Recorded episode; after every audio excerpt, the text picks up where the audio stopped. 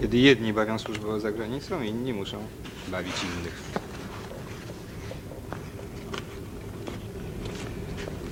To nie jest sugestia jakiejś zupełnie nowej mody, którą zamierzam wprowadzić. Jest to po prostu dostosowanie się do sytuacji panującej w studiu. No bo przecież nie można tak, żeby w takim otoczeniu, w takim towarzystwie zbytnio od tego odstawać.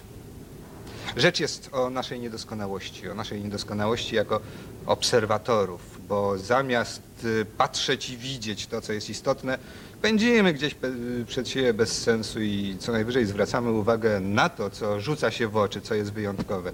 A jak nazwać wyjątkową rzeczą taki obiekt? Robi się tego dokładnie, wytwarza w naszym kraju a około 4 miliardów sztuk rocznie. To strach pomyśleć, jaka jest naprawdę produkcja światowa. 50 do 60 gramów ciężaru, z czego jakieś 12% wypada na skorupkę.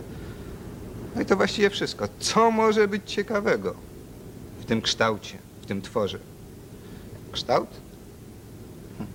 To tak jakby ktoś nadepnął na koło. Robi się delikatnie spłaszczone. Ale co ciekawsze, Matematycznie jest to kształt niesamowicie trudny do opisania. I właściwie udało się to swego czasu tylko mm, jednemu z wielkich matematyków, który wprowadził taką geometryczną krzywą zwaną owalem. Od nazwiska odkrywcy owalem Cassiniego. Geometrycznie rzecz polega na tym, że jest to krzywa, w której od pewnych punktów zwanych ogniskami iloczyn odległości do każdego miejsca na brzegu w jedną i w drugą stronę jest stały. Przy czym to wbrew pozorom wcale nie oddaje kształtu jajka, z tego względu, że ma jednakowe końce. A jajeczko jest z jednej strony zaokrąglone mniej, z drugiej bardziej. No, w warunkach typowo przemysłowych używa się oczywiście metod oceny kształtu. Proste.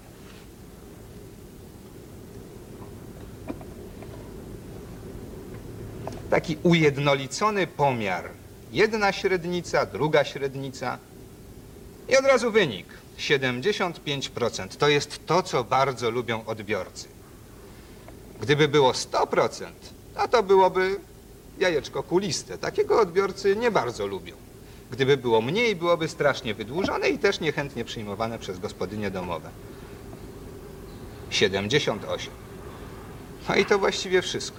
Nie, nie, to jeszcze nie jest wszystko. W tym kształcie jest jeszcze ukryte coś więcej. Mianowicie, gdyby wsadzić to do tunelu aerodynamicznego, a były robione takie próby, okazałoby się, że współczynnik oporu jest niesamowicie mały.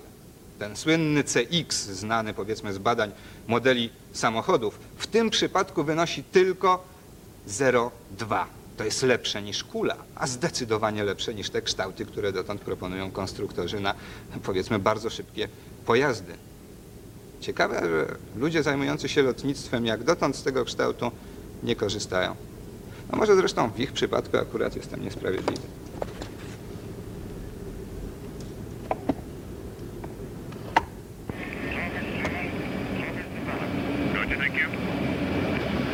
Jeszcze 30 metrów, 25.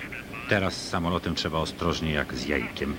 Jeden fałszywy ruch i 50 ton pędzących 300 km na godzinę zwali się na ziemię. A tu chodzi o to, by na ziemię zwalić nie samolot, lecz ładunek. W luku siedzi skrzynia, która powinna znaleźć się na lądowisku cało i zdrowo.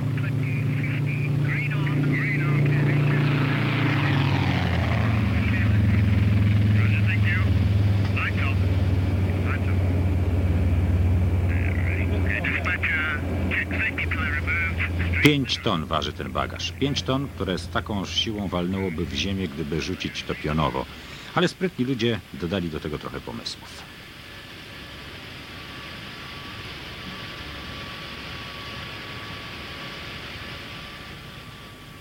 Wydaje im się, że jeśli opakują ładunek w miękkie i lekkie materiały, to będzie można nim rzucać o ziemię bez problemów, a więc metalowe plastry miodu, leciutkie jak puch pianki. W takim opakowaniu można rzucać o ziemię choćby kruchym szkłem. Tak im się wydaje i dlatego zwiększyli potrójnie ciężar do 15 ton. Najwięksi optymiści wyobrażali sobie, że mają problem w garści i gotowi byli założyć się, że dostarczą w ten sposób jajka wprost przed sklep. Cóż, widocznie bardzo lubią jajecznicę. Uparcie próbowali. Z ładowni samolotu wylatywała skrzynia za skrzynią, ale jeszcze nie ryzykowali zabawy z jajkami. Szukali usilnie miękkiego podłoża. Trawa wydawała się zbyt trawa, twarda. A zimą przyroda sama dostarczyła mięciutkiego białego puchu. Cóż z tego, pod spodem nadal była brutalnie twarda ziemia.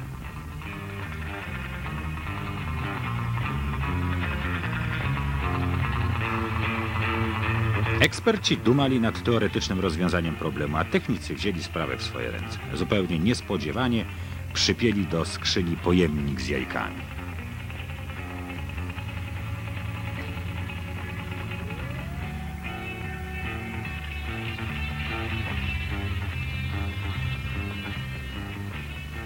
I co? I nic.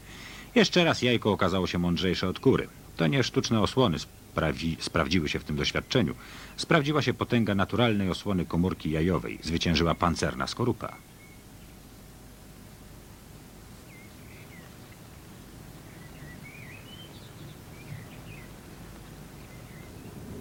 Czym pominijmy tu milczeniem militarny aspekt y, przemysłu drobiarskiego, bo rzecz y, w czym innym, po prostu jajko, skorupka jajka uznawana jest za rzecz szalenie delikatną, przysłowiowo delikatną niemal i w związku z tym bardzo często bierze udział w różnych eksperymentach. A my co o niej wiemy? No wiemy na przykład, że może mieć różną barwę. Mało tego, potrafimy to mierzyć. Czujnik optyczny. W momencie, kiedy siedzi na substancji wzorcowej, o, to jest biel mm, manganowa, doskonały odbłyśnik. Tu się go wzorcuje. I później na jajeczkach się sprawdza. Jajeczka białe, bardzo daleko wylatujący wskaźnik, jajeczka brązowe, ulubione przez gospodynię, zdecydowanie mniej. No przy czym no weźmy pod uwagę jednak, że barwa jajek bez względu na to, z jakie z nią się legendy później kuchenne wiążą, nie jest naprawdę problemem istotnym. Dużo istotniejszym jest wytrzymałość. A tę, tę umiemy sprawdzać i to wcale niesamowicie mm, skomplikowaną metodą. Po prostu umiemy powiedzieć, czy to jest wytrzymałe, nie niszcząc. Metoda szalenie delikatna.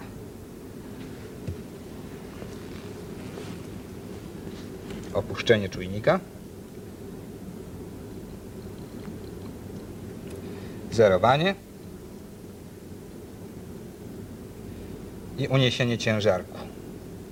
Ciężarka. Sprawdzenie odkształcenia sprężystego skorupy. Okazuje się zresztą tak na marginesie, że te ciemne skorupy, no, wieść niosła, że są wytrzymalsze. W tych badaniach wyszło, że nie. Y, około 20. 12 to jest ideał. 30 ugina się za bardzo i prawdopodobnie w transporcie by nie wytrzymało. Tak to się bada oczywiście metodami laboratoryjnymi, a w życiu, a w życiu wiadomo, o jajeczko trzeba dbać. O jajeczko dba się tak,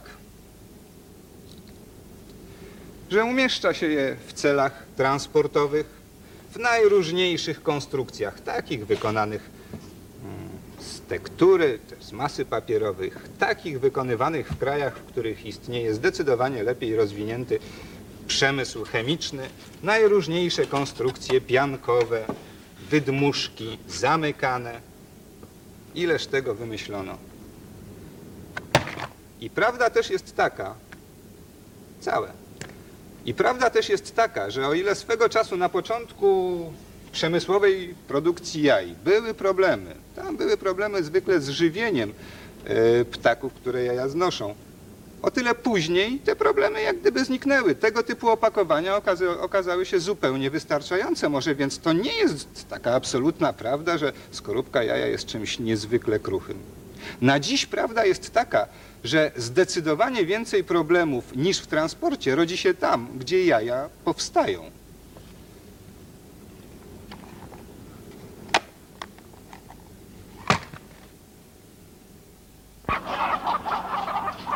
Na kurzej fermie życie jak co dzień. Na okrągło ziarno do dzioba, a jajka pod siebie. Jedynym zgrzytem są pękające skorupki. Już tu, a co będzie przy pakowaniu? Tym bardziej, że zręczne ręce ludzkie coraz częściej zastępowane są przez łapy maszyny.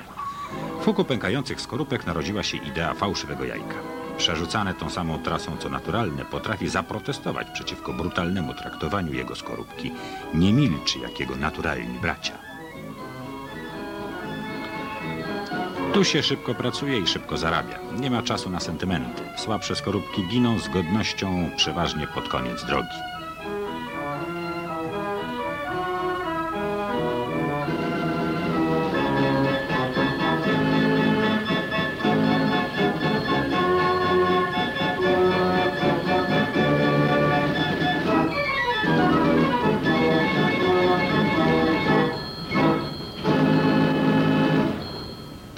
Inaczej zachowuje się elektroniczny szpieg. Uderzenie normalnie łamiące skorupę tu wyzwala drgania delikatnej sprężyny i jajko protestuje przenikliwym piskiem.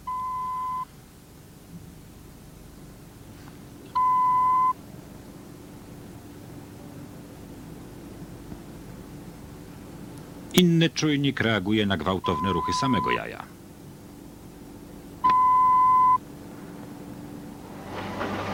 Ta sama masa, wielkość, kształt, ale w środku zamiast żółtka bardziej twarda zawartość. Zjadowca wyrusza w swą misję. Na jej wyniki z niecierpliwością czekają pierzaste matki i właściciele fermy. Tu właśnie na transporterze jest punkt krytyczny. To tu trzaskały wapienne skorupki. Niewielki ruch śrubokrętem i po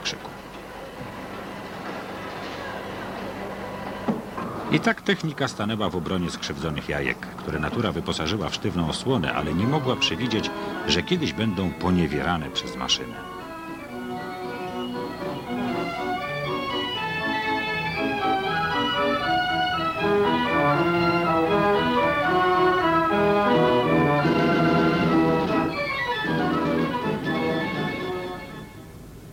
Ale z tego wniosek właściwie, że skoro dochodzi się do tak subtelnych metod, tak naprawdę ze skorupką nie jest źle. Zresztą badania, wieloletnie badania wykazały, że jajo wytrzymuje w tę stronę ciśnienia no, w okolicach e, jednego, dwóch, jednej, dwóch atmosfery kilogramów na centymetr kwadrat, używając jednostki z obcego nam już układu, w tę stronę zdecydowanie więcej, nawet do czterech. Przy czym grubość tej skorupki jest niewiarygodnie mała.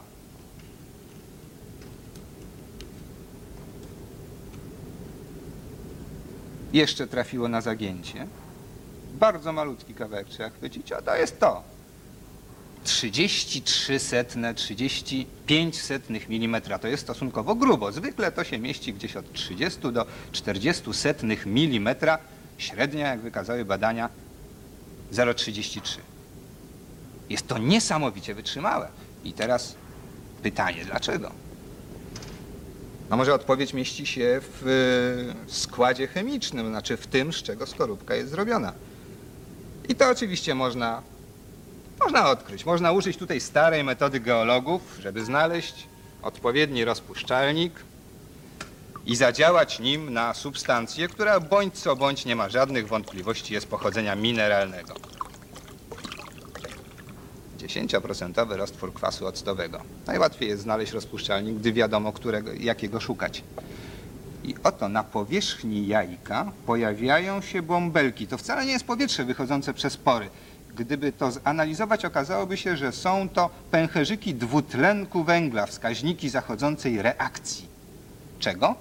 Reakcji kwasu octowego ze związkami pochodzenia wapniowego. Dokładnie z węglanem wapnia, z którego zbudowana jest skorupa w zdecydowanej mm, większości. Tam oczywiście jeszcze szereg drobiazgów jest. Gdyby eksperyment przeprowadzić odrobinę dłużej, okazałoby się, że cała skorupka jest do wyeliminowania i powstaje kształt tego typu skrajnie delikatny.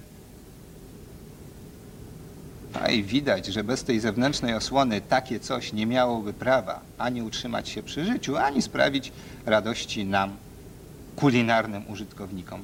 A wracając do składu chemicznego, niezwykle przypomina on skład minerałów, a na przykład tego. Oto nie jest taki minerał e, byle jaki, to jest czysty, bialutki marmur. 60% wapnia tu w środku się mieści, prawie tak jak w skorupie. I gdyby tylko na tym, na tej krystalizacji mm, opierać podejrzenia o niezwykłą wytrzymałość skorupki, prawdopodobnie do niczego jeszcze byśmy nie doszli. Wygląda zresztą na to, że sama skorupa dla jajeczka pełni nie tylko te ochronne funkcje, z czym to jest problem niezwykle subtelnych metod badawczych. Ależ reaguje. To misterium trwa 21 dni. Jeszcze nie ma ciała, a już rusza do akcji miniaturowe serce. Bezład białkowej masy przenikają arterie żył.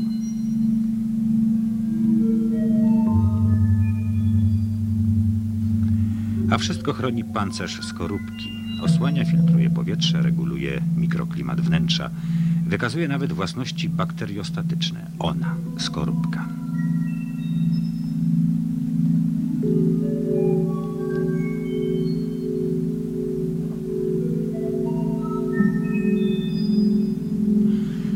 Starożytni czcili ten kształt. Nie brakło nawet skrajnie radykalnych wierzeń, że z niego wzięło początek wszystko, nawet Ziemia.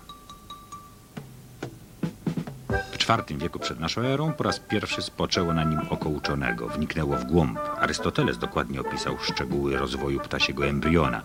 Skorupki nie zaszczycił uwagą.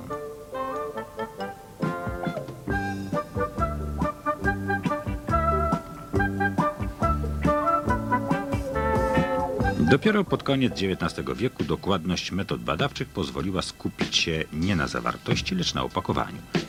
Powoli ujawniły się tajemnice chemicznego składu i fizycznych własności.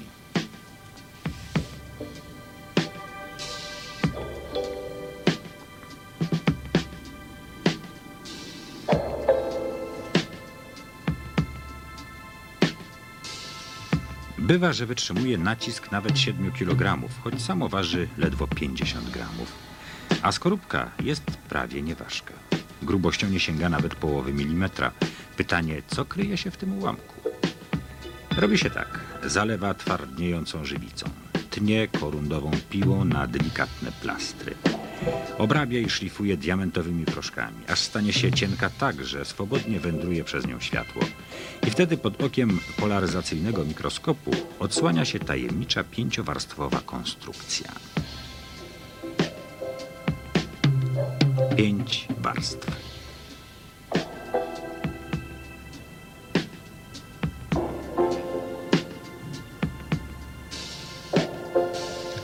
Jeszcze głębiej pozwoliła zajrzeć współczesna technika mikroskopii elektronowej. Okruszki skorupki pokryto złotem i w próżni obmacano strumieniem elektronów. I stała się odsłona druga wiekowej tajemnicy. Najgłębsza podskorupkowa warstwa.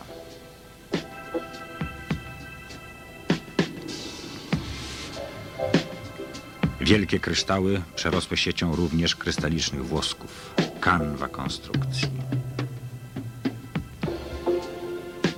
Im bliżej powierzchni, tysiące porów chaotycznie poprzerastanych kryształkami węglanu wapnia. To konstrukcja gazowych filtrów.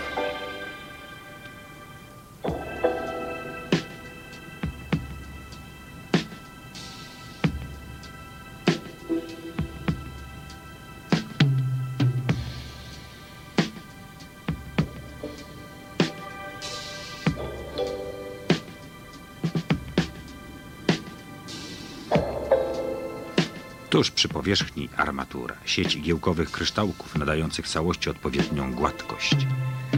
Księżycowy krajobraz dopełniają zakotwiczone bez ładu kryształy soli mineralnych. I to już cała skorupka. Tak prosta, aż skomplikowane.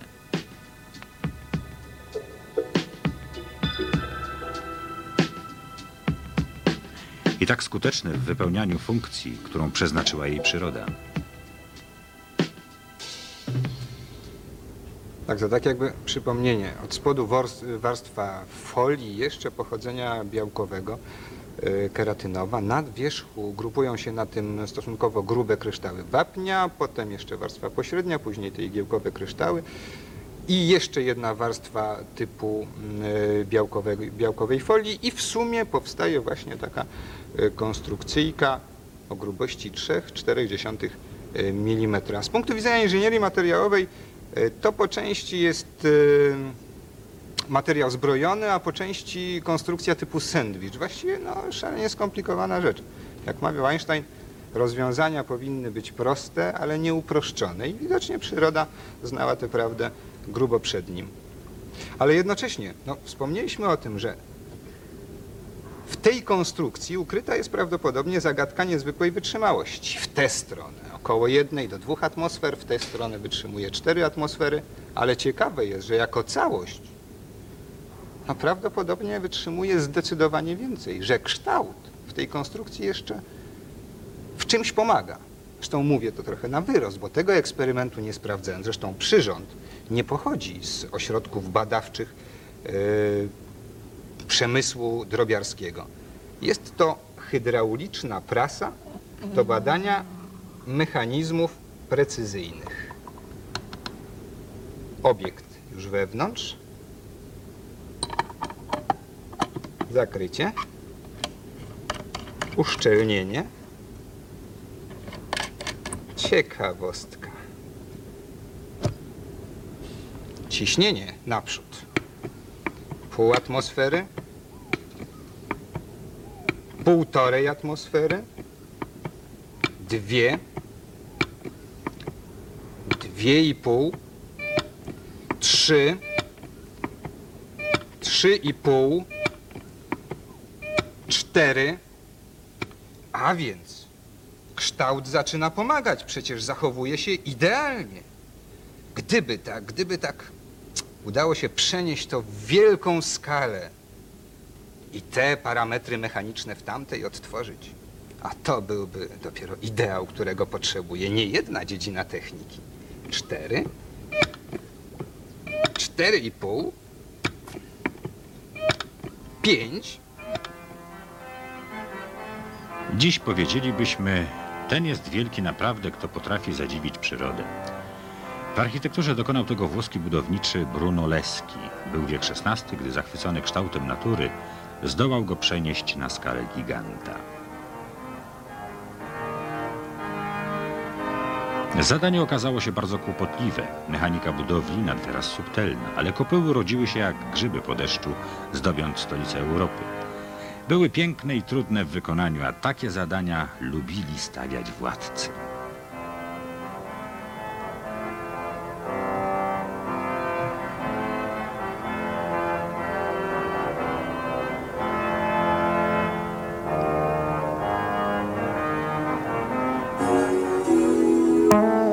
Dla współczesnych nie tylko kształt stał się problemem. Struktura skorupki silna, zatrzymująca wpływy środowiska, ale pozwalająca na gazową wymianę z otoczeniem. Ideał ściany. Radziecki architekt Jurij Liebiedziew stąd wysnuł koncepcję oddychających ścian. Ich idea kusi, ale trudności materiałowe wciąż są nie do przełamania. Pozostają marzenia, chęć złamania obcych w przyrodzie linii i kątów, chaosu prostopadłościennych pudełek. Mnożą więc się wizje miast i budynków o kształtach natury, kosmicznych osiedli przypominających ludziom świat, do którego należą. Choćby geometrią. Na razie wizje, bo przyroda niełatwa jest do kopiowania. Architektów wciąż prześladuje surowe prawo fizyki. Natura nie jest niezmiennicza ze względu na zmianę skali.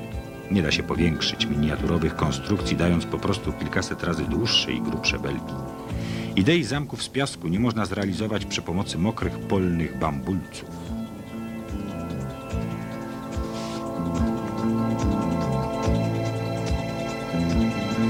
Pozostają marzenia i XVI-wieczne idee konstrukcji przypominające kształtem ideał. Tylko tyle? 3000 metrów kwadratowych powierzchni. Zbudowano ją w ciągu 40 godzin i trzyma się bez żadnych podpór.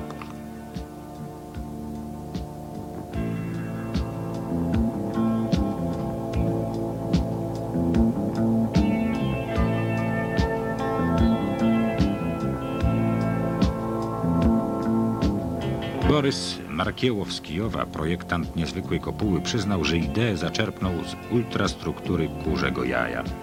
Tam włókna ułożone są w poprzek działania sił. Ale natury nie można kopiować na ślepo. Trzeba ugryźć zasadę, a nie sposób wykonania. Tak narodziły się elementy konstrukcyjne, które potrafią rozpychać się na boki. Własny ciężar przekazywać w poziomie innym, sąsiednim, identycznym. Z takiego pomysłu powstała kopuła stadionu w mieście Biała Cerkiew. Tak osłonić można całe dzielnice, może całe miasta. Czemu by nie?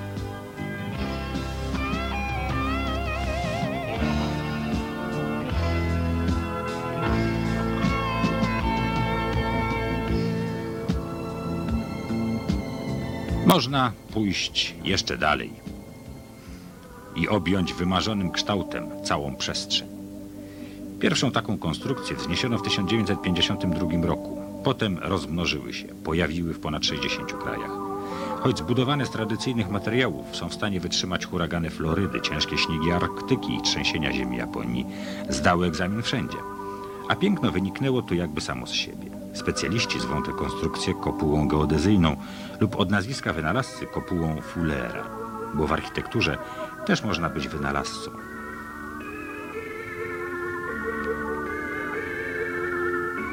Ludzkie jaskinie XXI wieku. Kto wie, czy nie będą właśnie takie. Może nawet na takiej kanwie uda się zbudować resztę skorupki. Kilkanaście uderzeń młotkiem i tylko niewielki otwór. Nietypowy materiał z typowych składników. Cement i włókno szklane.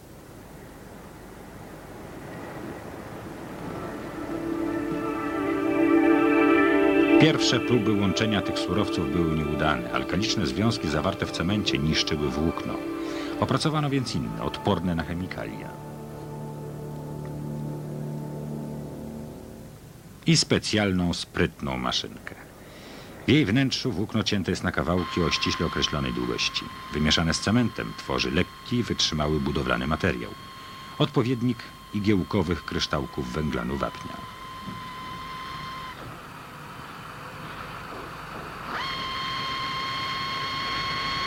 I z tego można już budować bez kłopotów, warstwa po warstwie, jak lakier z pistoletu. Tak właśnie jak powstaje skorupka. Schnie to kilka dni, nabierając żelaznej wytrzymałości. Czyżby nadchodził już czas, gdy przyroda winna zacząć się dziwić?